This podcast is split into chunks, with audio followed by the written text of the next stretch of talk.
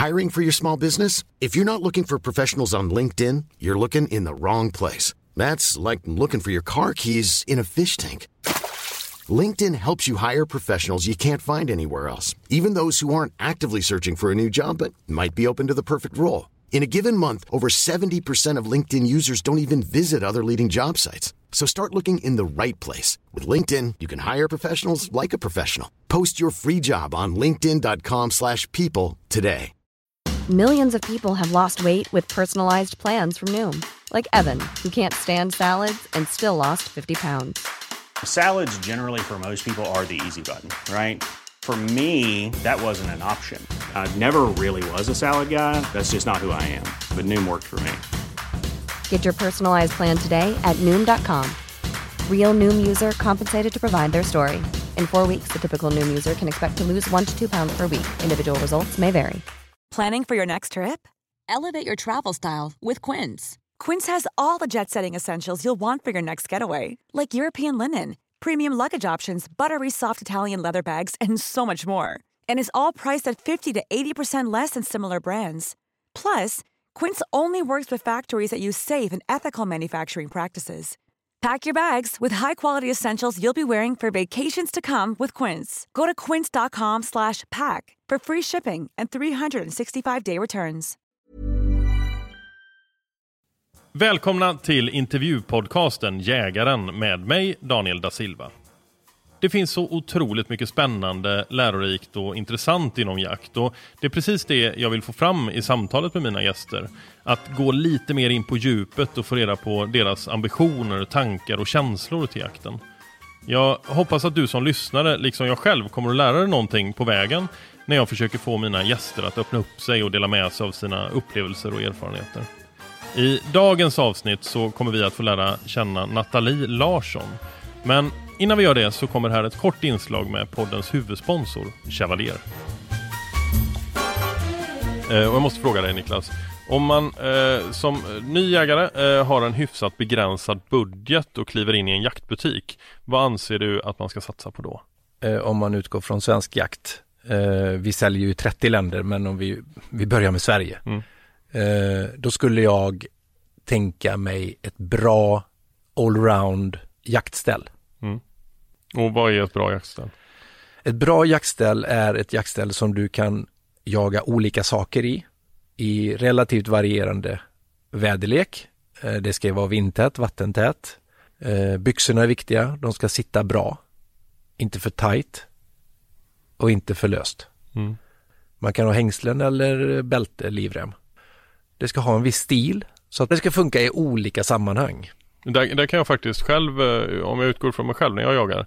Eh, jag jagar ibland på ganska, ganska schyssta ställen, eh, drevjakter och liknande på, på där man ska känna, de flesta är ganska uppklädda liksom. Eh, och sen så jagar jag bland annat i Åmål ganska mycket och eh, jag har ett par ställ som funkar på, på båda ställena tycker jag. Om man klarar det, då har man hittat rätt. Mm. Men man ska tänka på saker som att det är vattentätt. För att när vi jagar så, går vi inte hem om det regnar. Fickor, Ja, fickor gillar jag. Vi måste ha fickor för vänster och nu, nu vet du ju om du skjuter vänster eller höger förhoppningsvis när du väljer ställ men se till att det finns en ficka. Jag är själv vänsterskytt och varit lite irriterad när det inte finns en radioficka för vänsterskyttar. ni kör väl ofta en eh, ficka där bak också? Ja, fickan där bak är jag ganska säker på att eh, tidigare vdn Lars Björkman hittade på och han tyckte det var så smart så han la in det på alla ställ. Mm. Eh, det har vi tagit med oss för vi tycker det fortfarande är smart. Man kan bära det man inte vill ha i händerna om man inte har någon ryggsäck med sig. Hundkoppel, spårlina, en liten ullgenser eller någonting sånt. Ulltröja på svenska. Och den används också, det ser man eh, när jägarna är i skogen att eh, det putar ut någonting där bak. Eh, tack Niklas för att jag fick prata med dig. Vi, vi kommer att prata mer i, i varje avsnitt. Ja, det, jag ser fram emot det. Ja, härligt. Hon har två guld från EM i skit, en fjärdeplats från OS i Peking och en hel drös SM-guld i bagaget. Idag arbetar hon för Svenska Olympiska Kommittén och jakten, ja, den är en mycket stor och naturlig del i hennes liv. Jag är så himla glad att nu få en lugn och härlig stund tillsammans med dig Nathalie. Välkommen hit. Tack. Hur mår du? Mycket bra. Gött, vad härligt. Eh, vi ska ju prata lite grann om ditt jaktintresse och sen så kommer vi självklart prata om, om skrit skit och tävlingsskytte och liknande. Eh, tävlar du fortfarande? Mm, väldigt sparsamt skulle jag säga. Jag, har, jag la väl elitkarriären på hyllan 2011. Så har jag väl skjutit SM några år sedan dess. Och gjorde en liten provcomeback för ett par år sedan för att känna efter lite om motivationen fanns där att göra en ny satsning. Men jag konstaterade ganska fort att det gjorde den inte. Inte? Nej. Okej. Men vad, vad, det, det senaste du gjorde, har det varit eh, SM-sammanhang eller? Eh, ja, det var Jag sköt SM förra året, var Förra året. senaste tävlingen. Och då vann du då? Ja, Så du, du vinner liksom när du ställer upp? eh, jag gör mitt bästa i alla fall. Men 10, 10 vi måste bara, vi, vi kommer att prata mer om detta men jag måste bara börja fråga. 10 SM-guld, det är ju helt otroligt. Alltså det är ju 10, 10 års tid då. Mm. Och så har du, har du, är det 10 år på raken eller har det varit något uppehåll emellan? Eh, nej, jag är lite osäker faktiskt på när det första var, men eh, det var något, något glapp när jag fick barn 2014 och så tror jag att det är något silver däremellan, men det kanske är 10 på 13-14 år. eller så.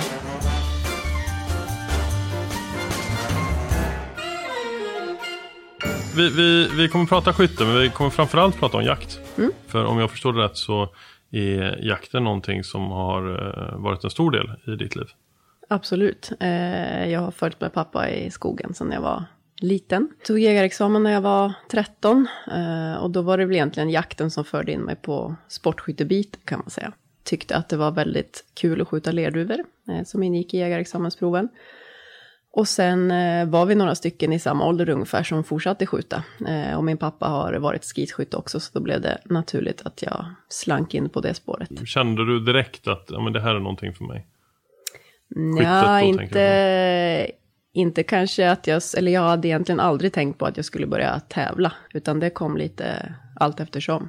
Och egentligen så kanske jag faktiskt hade en större talang för eh, kulskyttet. Det passar mitt temperament mycket bättre. Eh, egentligen, jag är ganska lugn, kanske lite för lugn för, för skitskyttet. Men kulskytte är fruktansvärt tråkigt om man ska göra det Okej. på, på elitnivå, eh, tycker jag. Eh, det kräver otroligt mycket test av ammunition, eh, vapenvård och allt sånt är jag fullkomligt värdelös på om jag ska vara helt ärlig. Så att hagelskyttet passade mycket bättre. Men om vi bara går tillbaka där lite grann. eh, Du, du sa att du, du hängde med pappa ut och jagade. Mm. Hur kändes det då?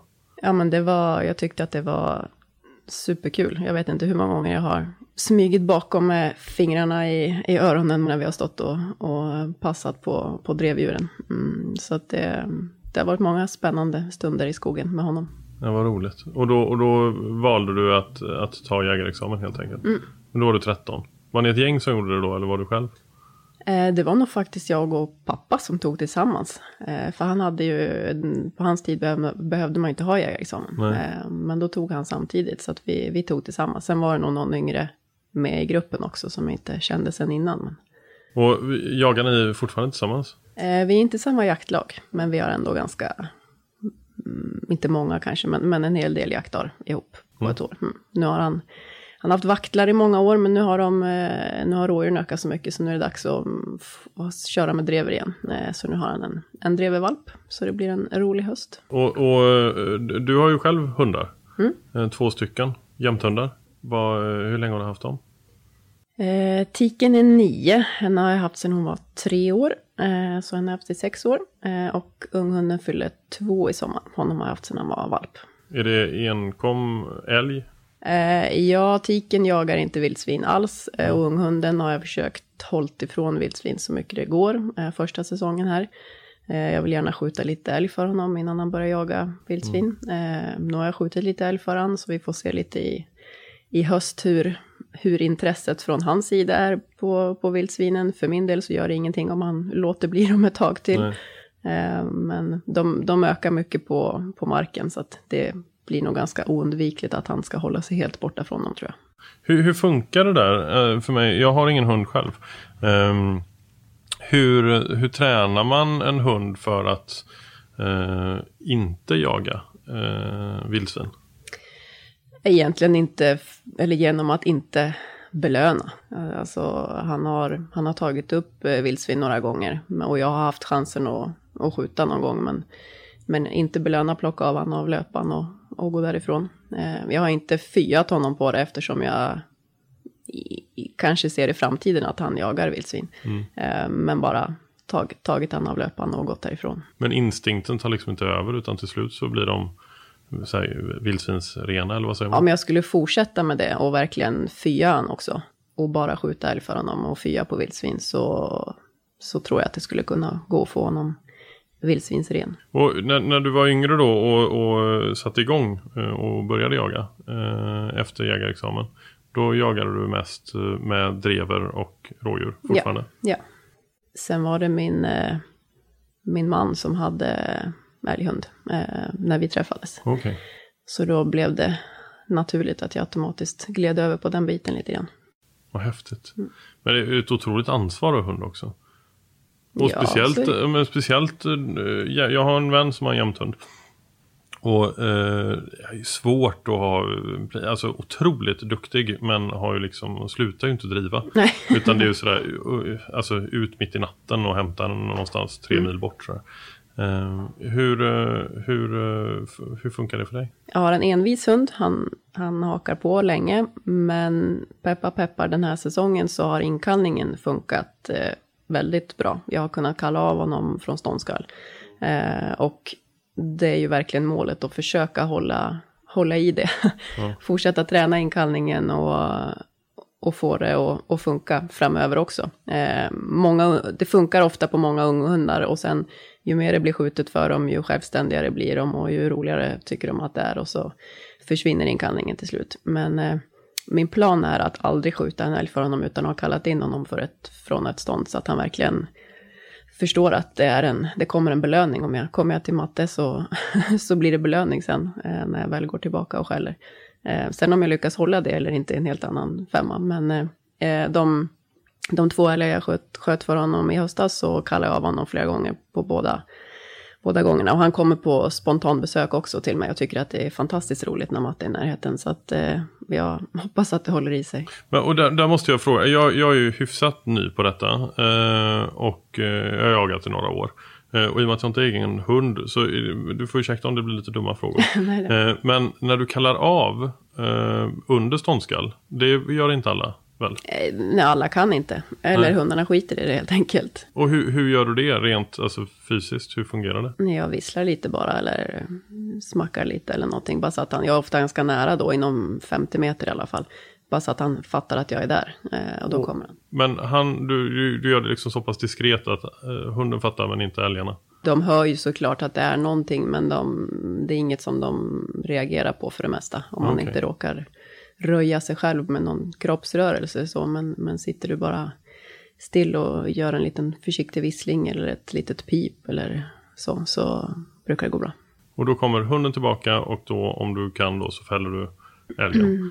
Men då kommer han till mig och så eh, klappar jag honom och så skickar jag tillbaka han till älgarna så att han får fortsätta skälla. Ah, okej. Så får Ja. han skälla en stund till och sen skjuter jag om jag har läge. Då är jag med. Yes. Mm. Ja, men för, för jag har ju själv gått med hund. Eh, men inte min hund. Eh, utan gått bredvid då. Eh, och det är ju alltså det är ju en av de häftigaste upplevelserna. Den här liksom eh, samarbetet man har med hunden. Men vi, vi, jag har inte varit med att de kallar in hunden utan det är liksom ståndskall och får man läge så, så, Så skjuter så han. skjuter man helt enkelt. Ja, jo, men det, det är man ju, man är ju väldigt sugen att skjuta i första bästa läge. Men i år hade jag verkligen bestämt mig för att nu ska hunden in innan jag skjuter. För att jag kommer ha så mycket nytta av om jag lyckas ha inkallning på honom. Det blir ju otroligt mycket mer effektivt om han skäller på fel älg eller fel mark eller, eller vad som helst. Eh, om jag bara kan kalla in honom och gå därifrån och börja om. Än om han tar upp fel älg klockan halv sju på morgonen och sen är han borta liksom. För resten av dagen. Det, det, det låter ju otroligt sunt. Ja. Ja, jag hoppas att, eh, att eh, många som lyssnar eh, kommer ta åt sig av detta. Jo, men det, jag tror att det är många som, som vill ha inkallning på sina hundar, men det är, det är inte helt enkelt att få till. Och som sagt, det funkar på många unghundar, men sen ju mer självständiga de blir eh, och ju mer det blir skjutet, så ju roligare tycker de det är att skälla. Sen är det ju, jag kan kalla in honom om älgen står still och han har koll på den liksom. Men om jag, börjar, eller om jag kallar in honom och älgen börjar knalla iväg, då drar han direkt till älgen. Okej. Eh, det är ju liksom hans instinkt att stoppa älgen, så att det är ju inte så himla konstigt egentligen. Eh, men så länge jag kan få in honom när älgen står still så är jag mer än nöjd. Gud. De kan skälla länge.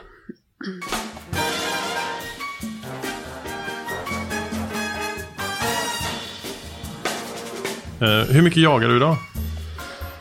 Eh, under eh, under hund, hundjaktsäsongen, och, alltså september till, till slutet på januari, så blir det ju minst två dagar i veckan, skulle jag säga. En vardag och en helgdag för det mesta. Och din man jagar också? Väldigt lite, som tur är. Men, ja, men det, det blir nog svårt att kombinera när båda jagar. Ja, jo, men då blir det svårare såklart. Eh, men eh, det, blir, det blir lättare ju större sonen blir också. Och kunna, kunna ta med honom framöver förhoppningsvis. Han är, han är intresserad, så att min, min plan är att han ska kunna, kunna vara med när han blir större framförallt. Och 2014 sa du att du fick barn, så han är då sex år. Han är sex. Yes. Jag har en dotter som är sex och en son som är åtta. Han tycker det är jätteintressant. Eh, och har varit med eh, när jag har pyschat rådjur och varit med och, och även eh, slaktat och sådär. Eh, och det är en otroligt häftig känsla tycker jag att få göra det med sitt, sitt barn. Eh, och och det, det, den kunskapen jag har och kunna dela med mig av den eh, till honom. Hur, hur känner du kring att, att barnen är med? Jo, men jag tycker att det är otroligt kul att han är intresserad. Jag kommer ihåg så mycket från min egen barndom och liksom känner igen det. Så att jag tycker ju att det är superroligt när han står och, i slakteriet och frågar tre miljoner frågor om allt hela tiden. Han kan snart varenda organ tror jag i, i kroppen och han har en egen liten kniv och han är med och flår och drar och sliter och är så nöjd när det är, är färdigt liksom. Ehm, sen, in, sen utbildar han hela förskolan i jakt och slakt och så också, så det är perfekt. Men det är ju helt fantastiskt. Ja. Men tänk vilken kunskap de har. Och då, och då kan de ju göra ett val om de vill äta kött eller inte. Och om de vill jaga eller inte baserat på, på faktisk kunskap. Ja, precis. Har, har du haft med honom på pass? Ja, Ja. Och det tycker han är fine. han har lite svårt att vara tyst, men, men eh, han vill ju... Han vill ju hemskt gärna att det ska skjutas. Han har suttit med sin mormor när hon har skjutit en hjort och det var Ja. ju fantastiskt. Det var, tyckte han var helt eh, super. Han har varit med mig när jag skjutit ett rådjur. Ehm, då gick vi fram och så eh, fick jag klara order om att jag var tvungen att ha tur på en gång för annars blir det bakterier i magen. Det? Han, det var en, en killing så den var inte så stor så att han släpade den och 100 meter själv tror jag han skulle dra hem den och sådär. Men herregud, vad, vad, vad, vad härligt. Jag, jag, jag, jag har fällt ett rådjur när, när Louie då, min son, har varit med. Och ehm, han hade sån butterlo, så det var han som fick liksom locka då, det tyckte han var kul. Eh, och sen så, eh, och allting gick bra, men, men däremot så, eh, som, det, som det händer ibland då, eh, geväret hoppade till lite grann. Så direkt efter skottet så såg inte jag vad som hände, men djur, rådjuret var borta. Men, men det kändes som en bra träff och jag tänkte, att den ligger nog för det är ganska högt gräs. Eh, och så frågade jag Louie och han sa att ah, men det såg ut som en, som en laser eller ner. Liksom. Ah, och så frågade jag hur det kändes. Och, ah, men det var lugnt. Liksom. Och så frågade jag om han ville följa med fram och titta och det ville han. Och så när vi kommer fram till skottplatsen så, så hittar jag blod men inget rådjur. Eh, och då tittade han på mig direkt och så sa han bara, kan vi inte gå hem nu? Men då tyckte han så här, nu, nu blir det tråkigt här. Ja. Så han, nej men det funkar inte riktigt att, vi- att vi bara drar. Eh, och då låg rådjuret sju meter bort eller någonting. Eh, men då var han helt fin med allting. För barnen så blir det liksom naturligt. De har inget... De har inte blivit matade med massa negativa saker som, som en del vuxna har. Utan Nej. för dem så är det inget konstigt alls. Eh, min son har aldrig varit liksom... Han, han tycker det är jättejobbigt att se blod på sig själv. Och tycker att det är liksom hemskt. Men har noll problem med om jag har skjutit något och slakta och det är liksom mycket blod. Det är inga som helst konstigheter. Det är en helt annan sak. Men, så du, men mormor sa du, alltså din mamma, Ja. jagar också? Eh, hon var helt, helt ointresserad av jakt tills någonstans där hon fyllde 40. Då var hon med mig ut på vårbockjakt tror jag. Jag sköt en bock då. Ja. Då var det som att vända på en hand. Då tog hon eh, jägarexamen på en gång. Eh, och sin första jaktsäsong tror jag hon sköt fem, sex älgar och tolv rådjur eller något sånt där. Alltså det var helt sjukt. Allt, alla vilt i hela skogen sprang i hennes pass jämt. eh, och sen fortsatte det så några år. Eh, så att ehm, hon, hon fick skjuta en hel del där. Nu har hon börjat trappa ner lite. Men fortfarande med, med ute en del. Men, då, men, men är ute hela gänget ibland då? Ja, det händer. Mm. Och mysigt. Jag kommer inte från en jaktfamilj på det sättet. Nej. Eh, Det kan jag liksom vara lite, lite sotis på. Att ha fått uppleva det här liksom fantastiska intresset. eh, Fast redan i ung ålder. Då.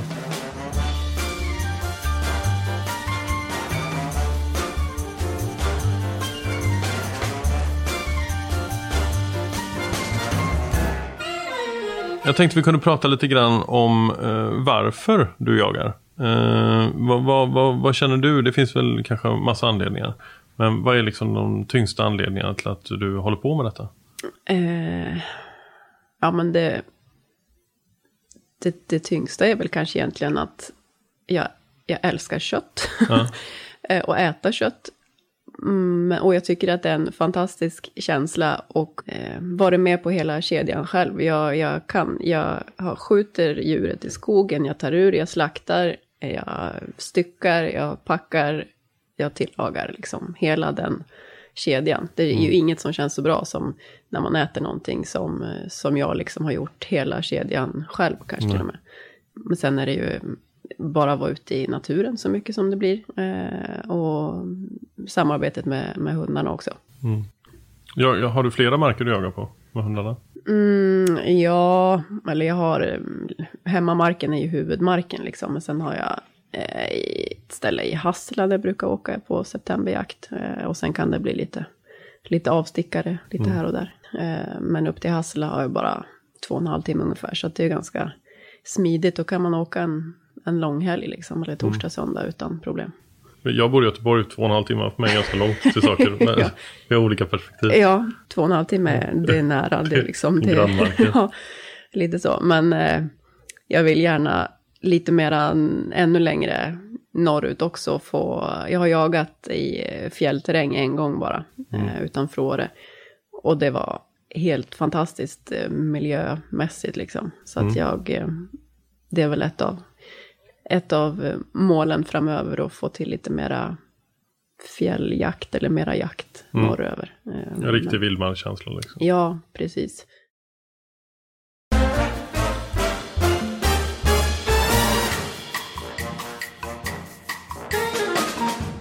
Jag skulle jättegärna vilja eh, prata lite grann om eh, din karriär inom skytte. Eh, för, det, det är ju, alltså för mig så är det, oavsett vad det är för idrott man håller på med, så är jag så här djupt fascinerad över idrottsmän och idrottskvinnor. Eh, och du har ju alltså, eh, ja, men det finns ju hur mycket som helst att prata om. Men två EM, Yes. OS och fyra i OS. Och 10 SM-medaljer, eller 10 SM-guld. Medalj. Du har inga andra medaljer för du vinner bara. Ja, jag har något silver, något brons också. Då, börjar vi prata om det. Eh, sil, silver och brons. Men då, så du har ställt upp i SM och inte vunnit? Ja, ja, det har hänt. Hur kändes det då? Ja, men det, det var ju början på min karriär, så det har jag glömt. Ah, Okej, ja, ja. Jag har aldrig varit en, en extrem tävlingsmänniska på det viset att jag blir jättearg när det går dåligt. På gott och ont. Ibland är det bra, ibland är det, hade jag kanske behövt ha lite mer tävlingsinstinkt för att eh, samla ännu mera medaljer än vad jag har, har gjort. När du tävlar då i skit. Eh, jag skulle vilja prata om träningen också. Men om vi bara börjar med tävlingsformen. Eh, det måste ju vara extremt mycket som sitter i huvudet. Absolut, det är det. Många, väldigt, väldigt många skyttar på elitnivå har ju tekniken egentligen för att, för att skjuta jättehöga resultat. Eh, Men de där sista procenten sitter väldigt mycket i, i huvudet. Jag, jag har ju bara testat skit några gånger. Eh, och är ju alltså långt ifrån okej en gång. Eh, men, men det, det, och det köper jag. eh, För jag har ju inte liksom testat så många gånger. Men det går ju så sinnessjukt snabbt. Ja, det går fort. Eh, en del som inte har sett skit någon gång eller vet vad det är. Om man berättar hur det går till och säger att man vet att jag vet exakt varifrån duvorna kommer och hur jag ska skjuta dem. Så säger jag, men om du vet exakt hur det Ja. går till, hur svårt kan det vara? Eh, men jag har tagit med någon sån till en skitbana någon gång och så står de och tittar och så hör de att det smäller och så säger de, men vad skjuter du på egentligen? exakt. Så de ser inte ens duvorna.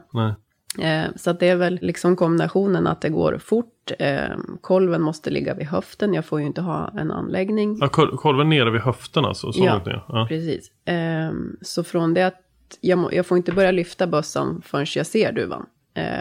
Eh, så från det att jag ser duvan tills den ska vara trasigt så, så är det liksom sex tiondelar.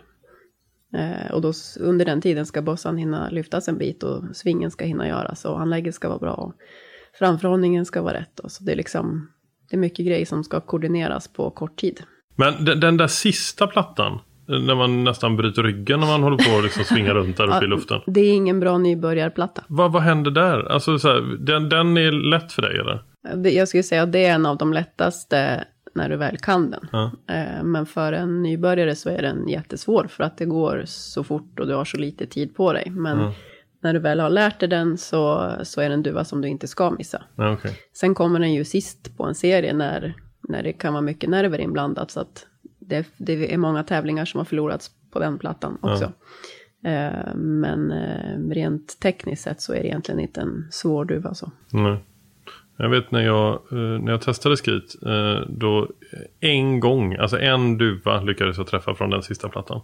Och, men den känslan av att träffa, alltså fan vad gött det var. Det var ju liksom så här eufori i hela kroppen. Men det antar jag att du inte får, utan det, det är ju mer liksom, för dig är det ju mer, liksom mer miss, alltså eliminera misstagen än, det är inte så att du knyter näven när du träffar. Mm, nej, eh, oftast inte. Det beror lite om man skjuter de där sista duvorna om man har eh, skjutit typ 74 av 75 eller till och med 75 av 75. Då, då kan man knyta näven där på slutet. Men eh, annars så är det ju verkligen att, att ta en, en platta i taget, en duva i taget och inte tänka så mycket framåt utan verkligen vara, vara här och nu, en sak i taget hela tiden och inte börja sväva iväg i tankarna. Hur, på vilket sätt skiljer sig bössorna? En skritbössa mot eh, det du jagar med?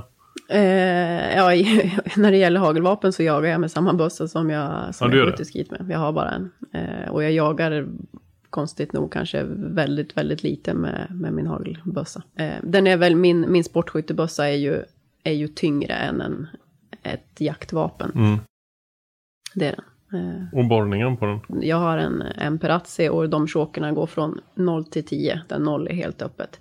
Ja, men jag är så fascinerad. Jag, jag kan ju bara tänka mig hur mycket du har, hur mycket du har skjutit i den här dagen. Alltså hur, mycket, hur många skott per år? Har du koll på det? Mm, ja, när jag sköt som mest så var det väl, jag tror jag toppade på 22 000 ett år när jag, när jag, jag bytte bössa och gjorde om mycket i tekniken. Så då, då behövde jag verkligen träna mycket. Annars, ja men mellan 17 och 20 kanske. Alltså det är ju helt, eh, det är ju sinnessjukt mycket. Men hur har du klarat det skademässigt? Det måste vara jobbigt för axlar och nacke och... Mm, ja, men jag har klarat mig eh, bra. Jag slutade väl kanske innan jag började få alla förslitningsskador. Okej. mina, mina kollegor, mina före detta kollegor som skjuter fortfarande, de eh, börjar få lite, lite slitna axlar och, och sådär. Hur, hur är det liksom åldersmässigt? Hur länge håller folk på? På elitnivå? Ja, alltså det finns, finns många skyttar som är riktigt duktiga som är eh, mellan 40 och 50 liksom. EM har du vunnit två gånger. Ja. 2005 och 2009. Berä- b- lite snabbt bara. 2005. Första gången du liksom vann Europamästerskapen. Hur var det? Eh, det var kul och väldigt otippat. Ja. jag var första års eh, senior då. Ja. Och hade liksom inga som helst förväntningar på mig själv. Och det var ingen som an- annan heller som hade några förväntningar på mig överhuvudtaget. Ehm, och så sköt jag bra i de två första grundserierna. Eh, och sen då var tävlingen uppdelad på två dagar så att vi sköt två grundserier och så var det en serie plus final kvar, dag två. Okej. Eh, så när jag hade skjutit min, min sista serie, då kom min norske tränare fram, kommer jag ihåg, och så säger han, bra jobbat, nu får du gå in som eh, nummer ett i finalen. och då blev jag ganska paff. Jag hade skjutit 69 eller 70 träff tror jag, så det var, liksom, det var jättebra för att vara mig, men, men inget superresultat sådär. Jag tänkte att det kanske räcker in i final, men jag trodde absolut inte att, det skulle, att jag skulle gå först in i finalen.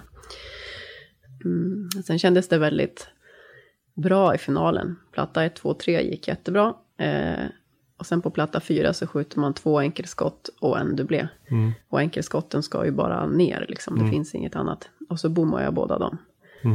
Då blev det väldigt varmt i huvudet.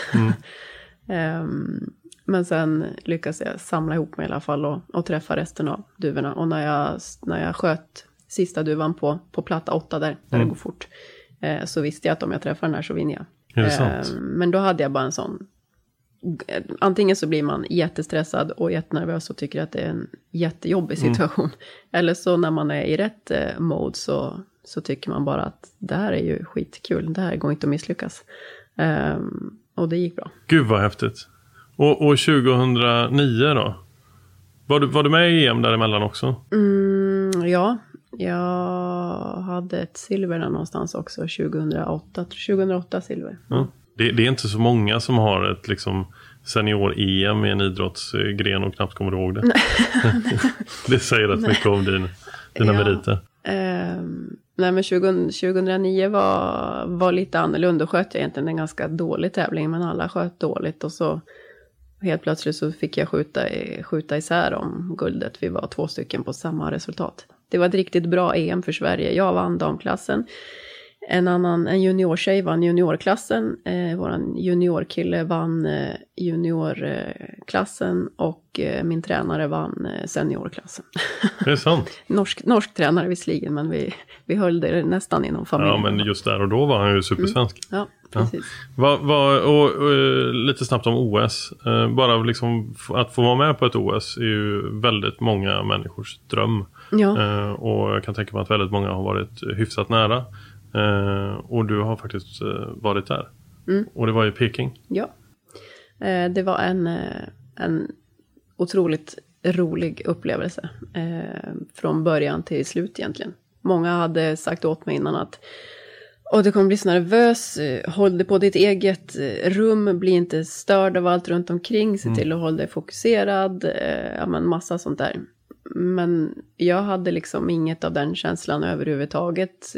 OS-byn tyckte jag var hur lugnt och skönt som helst. Alla gled runt i sina träningskläder. Det fanns ju liksom inga, inga journalister eller annat som var, som var jobbiga liksom. Ehm, ja, men det var, det var lugnt. Jag var i ett, i ett bra mode hela tiden liksom. Ehm, jag hade förberett mig på att vara sjukt nervös till tävlingen.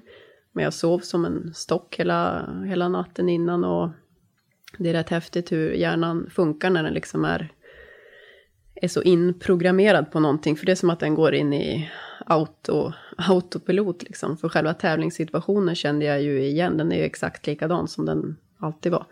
Eh, så när jag väl Vad cool du är. när jag väl stod på, på, tä, på tävlingen liksom, så var det klart att jag var nervös. Ja. Det, måste jag vara, för annars kan jag inte prestera. Eh, men det var liksom en, en positiv nervositet. Ja. Ehm, och sen precis i början, eller på platta två redan, så blev det lite, lite strul. Eh, jag, precis när jag ropade på duvan och skulle skjuta, då ropade domaren typ stopp eller något sånt där. Och så fick jag varning för att jag hade kolven för högt. Tyckte han. Ehm, så fick jag börja om. Och då hade han glömt att liksom backa systemet. Så då kom det en dubblé istället för en enkelduva. Och så fick jag göra om igen. Ehm, sen kom jag liksom igenom det trasslet utan bom. Och då kände jag okej. I huvudet med, det kommer, gå, det kommer gå bra. Jag har ingen aning om hur bra, men Mm. jag visste ju att jag var precis på håret till att komma in i final. Så det var ju, jag var jätteglad bara. Men det var jag, väl bara en duva som skilde mot brons? Eh, ja, eller en, en duva till så hade jag fått skjutit om alla medaljer. Även guldet. Hur, hur mycket har du grämt över det? Ja, men egentligen ingenting. Alla andra har grämt sig väldigt mycket mer än vad jag, Okej. vad jag har gjort. Ja. Jag hade en, en duva i grundomgången i sista serien som, som eh, domaren dömde bom på. Fast jag tyckte att det var en träff. För den, det var väldigt hårda duvor i Kina, så det var jättemycket fliser bara, små Ah. fliser. Som domarna inte såg, om det inte var en kinesisk Vad, vad händer i det läget? Käftar du emot direkt eller? Ja, då måste man protestera på en gång. Okej. Eh, men om domaren bara säger nej, så har man liksom inget att säga till om. Då är det så bara. Och då måste du bara snabbt lägga det bakom dig och fokusera på Ja. nästa. Men i finalen så var det bara, bara roligt. Jag hade bestämt mig för att om jag går till final så ska jag verkligen njuta av det. För det här är inte säkert att jag, att jag får uppleva igen. Eh, det spöregnade, Mm. det kommer jag inte ihåg. Det, kom, det, det, märk, alltså det ser jag bara om jag ser en bild. Så när jag ser att det vräker ner så att ja just det, det, det regnade mycket. Vilket skytteminne skulle du vilja säga är ditt, liksom, ditt bästa? Jag vet inte om jag har ett som jag kan plocka ut som allra bäst. Men såklart det, OS-finalen ligger ju högt på listan. Även om det inte blev en medalj. Men hela den upplevelsen gör liksom Mm. att det var Eh, och första EM-guldet såklart. Eh, men sen även när jag, den enda gången egentligen när jag har känt så här otroligt eh, fokus eh, på ett SM. tror att det var 2007. Då sköt vi lika mycket skott som herrarna, 125. Då sköt jag 124 av 125. Och det spelade liksom ingen roll hur jag gjorde så träffade jag, kändes det som. Mm. Det är också en, en häftig känsla som man inte får så många gånger i karriären. Och idag jobbar du för Sveriges Olympiska Kommitté. Mm. Eh, vad gör du då? Jag jobbar mest på marknadssidan eh, med lite olika projekt. Framförallt ett projekt som heter Olympic Day, eller det hette Olympic Day, nu kommer det heta Olympiadagarna framöver. Mm. Eh, som går ut lite på att eh, få barn att upptäcka hur mycket olika idrotter det finns egentligen.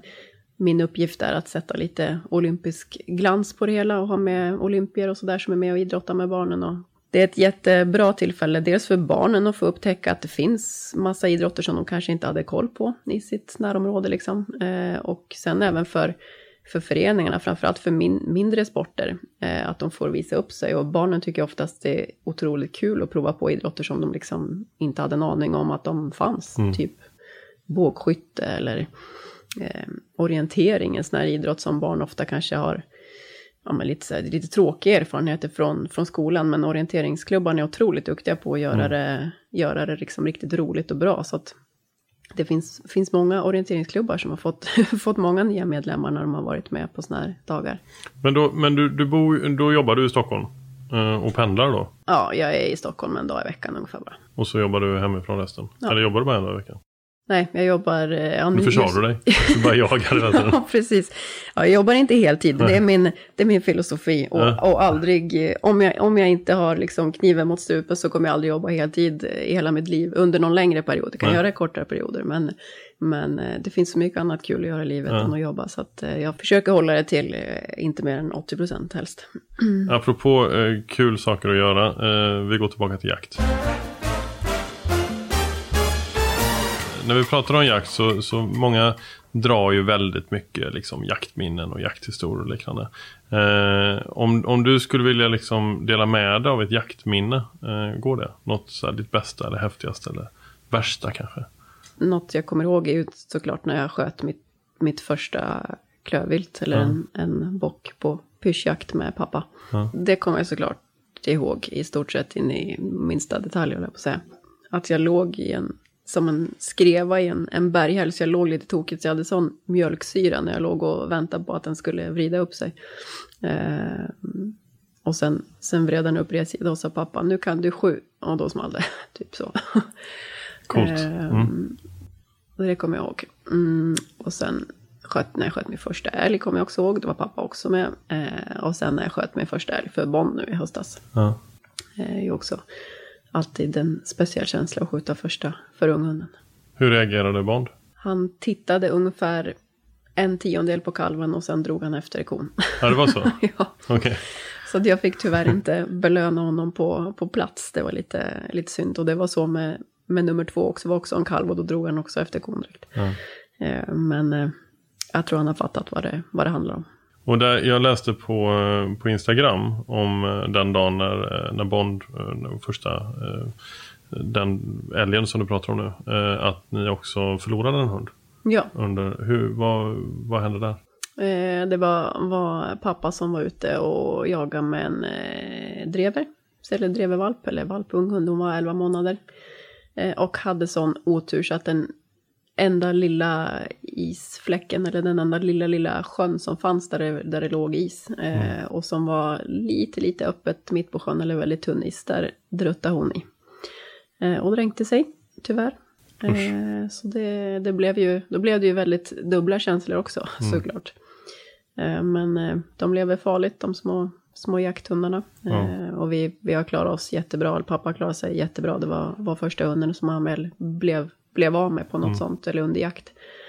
Så blir det ibland, men nu, nu har han en ny eh, drevervalp som heter Vera och är världens sötaste. Så ja. nu hoppas vi på nya jakter i höst. Vad, vad skulle du säga att det, det, det, det, värsta med jakten är då? Eh, vad, vad, är det sämsta? Finns det något? Jag skulle precis säga det. Finns det något? Ja. Ja, men det är klart, det är som är, Det finns ju alltid olika åsikter om hur man ska jaga och eh, hur och var och varför och när och många olika åsikter i ett jaktlag såklart. Eh, så kan det ju vara. Mycket så här har det alltid varit. finns det på många ställen. Eh, det kan vara lite tråkigt att jobba sig igenom ibland, men men jag tycker ändå att det är liksom den positiva delen överväger alltid. Och mycket saker löser man ju. Om du nu då tycker att det som är jobbigt är att folk kanske tycker att det var bättre förr. Om vi skulle ha en podd om 30 år så kanske du tycker tvärtom. att det, så här, det var mycket bättre förr. Det, det är det jobbigaste nu. Det är att det är så mycket nymodigheter. Precis, Ja. säkert. Säkert, ja. Har du några mål med jakten som, som idrottare? Liksom? Har du satt upp på samma sätt att du har liksom en, en strategi framåt eller så? Eller Nej. drömmar? Alltså någonting du liksom hade tyckt var jävligt kul att göra. Nej, men inte, inte, inga liksom mål rakt upp och ner sådär. Det är att, att jobba med hundarna och få dem att, att funka bra. ehm, och sen liksom jaga så mycket jag kan med folk jag tycker om att jaga med. Mm. Jaga mera norröver framöver. Ehm, hitta lite, lite nya marker kanske. Mm. Mm, men jag har inga sådana där åka utomlands jaktmål så. Det finns otroligt mycket jakt i Sverige som jag inte har liksom klarat av än. Så att Mm. åka bort och jaga är inte på, på kartan än så länge. Det Nej. kommer nog ta många år innan jag känner att jag har utforskat Sverige ordentligt. Liksom. Det finns otroligt mycket Vad har du kvar varierande jakt.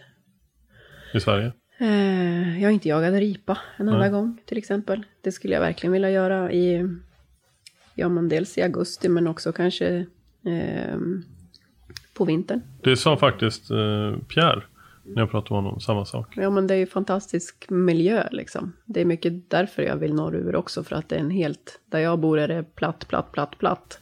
Eh, så bara få lite, lite fina vyer och Ja, det är ju fysisk jaktform också. Mm. Man, man tar ju ut sig liksom ute hela dagen och, eh, och rör på sig hela tiden. Mm, precis.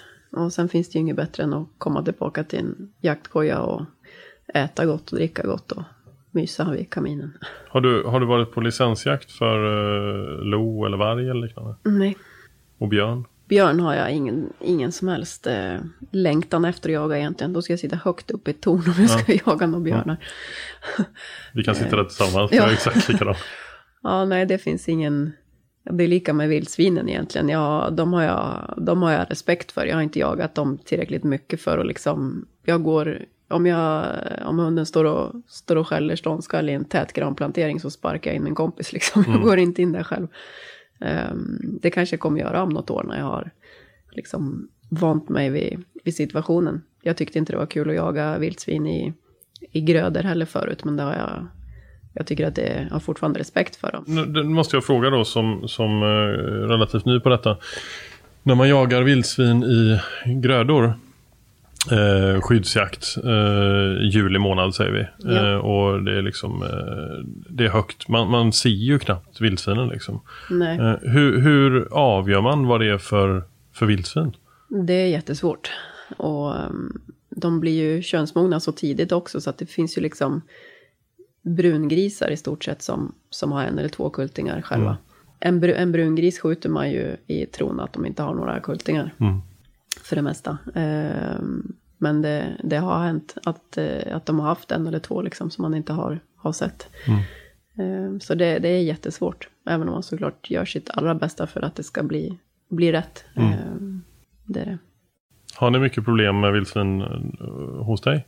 Nej, det ska jag inte säga. Inte, de ökar hela tiden, men vi har inte, in, inga jätteproblem Nej. än så länge. Eh, men med sådana milda vintrar som vi har nu så ökar de ju. Det gör. Mm.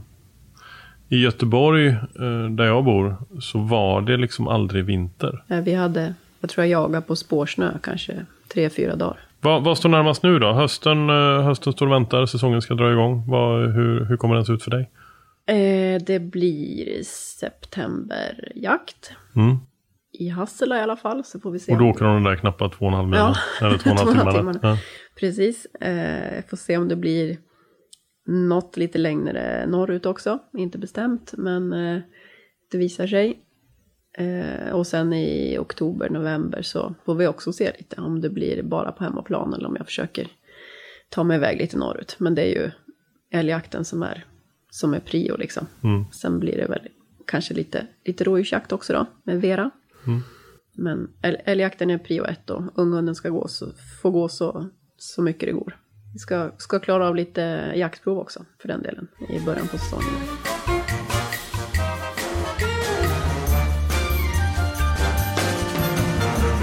Jag tänkte att vi kunde prata lite grann om vapen också. Eh, Hur ser ditt vapenskåp ut? Eh, jag har ja, dels min, min hagelbössa, min Perazzi, eh, som jag har haft i rätt många år nu. Eh, och Det är ju mångas dröm alltså, att ha en Perazzi. ja, den är jag nöjd med. Den Ja. kommer jag ha livet ut. Ja. Eh, den, den funkar till det mesta. Eh, Men jag jagar ju väldigt lite med hagel och eh, så att det, det jag jagar mest med är min eh, Merkel Helix Speedster. Den är, den är extremt snabb, är den inte det? Jo, det är en rak repeter eh, med eh, utväxling kan man säga. Så att du, du drar ju, behöver liksom inte dra hela slutstyckets längd utan den är väldigt kort att repetera. Eh, så det går fort. Vad hade du för kaliber sa du? 308 857 har jag nu också. Okej. Eh, Ja, det är pipytare på den. Ja, Ja. väldigt smidigt pipyttesystem. Det tar en minut att byta pipa. Ehm, så det är supersmidigt. När använder du 857? Den har jag precis fått så att jag har inte hunnit använda den så Okej. mycket. Men den är tanken att ha som när jag går, går med hund. eh, Med den. Och när man går med hund är det bra att inte ha för, för känsliga kulor som styr undan ifall att det är någon liten gren eller kvist eller grässtrå i vägen som man inte har koll på. Eh, och sen har jag en, en speedster-kolv som innebär att det är liksom ett öppet tumhålsgrepp. Alltså du får ett väldigt bra grepp i kolven. Eh, så, och det greppet är väldigt likt det jag har på hagelbössan också. Så att jag liksom, jag är van vid, vid den typen av grepp. Eh, så att det blir väldigt stadigt. Är det vanligt att ha sånt grepp på, på hagel i sk- sk- skyttesammanhang? Mm, ja, sportskyttesammanhang är det ganska vanligt. Det är det. Inte på jaktvapen Nej. kanske, men, men på sportskyttevapen är det vanligt. Är det det du har eller har du någon 22 eller liknande också? Mm, nej, det är det jag har. Men och när du tränar, då tränar du inte med 22 då antar jag, om du inte har någon. Men Eller sorry, jag har en 223-pipa till Helixen också. ja, okej. ja, ja, Eh, och den, den tränar jag med. ja. Det blir lite, lite billigare att träna med det än Mm. 308. Ja, och väldigt eh, ingen rekyl. Och snällt liksom. Ja, Ja. snällt. Det är ganska få jag har pratat med som eh, har så pass många bössor att de liksom glömmer av eh, vissa bössor och eh, har vunnit så pass många medaljer att de glömmer av typ ett EM-silver. Nej, men med bössorna skulle jag nog säga att det är för att jag egentligen inte är särskilt prylintresserad. Så att jag, ja, men jag, jag skjuter med en grej och så glömmer jag bort att jag har några andra också. Inte prylintresserad och så har du en.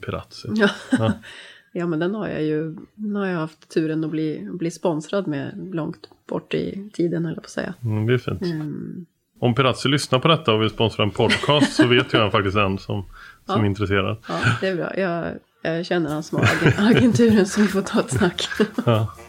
Mr Pirazzi själv. Ja.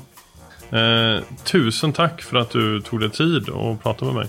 Tack Eh, själv. jag har lärt mig hur mycket som helst eh, om massa saker som jag inte hade en aning om innan. Vad bra. Eh, och vad kul att, att lära känna dig och tack för att du öppnade upp dig. Tack. Hoppas att lyssnarna eh, också har lärt sig någonting. Det är jag ganska säker på att de har gjort. Det hoppas vi. Tusen tack.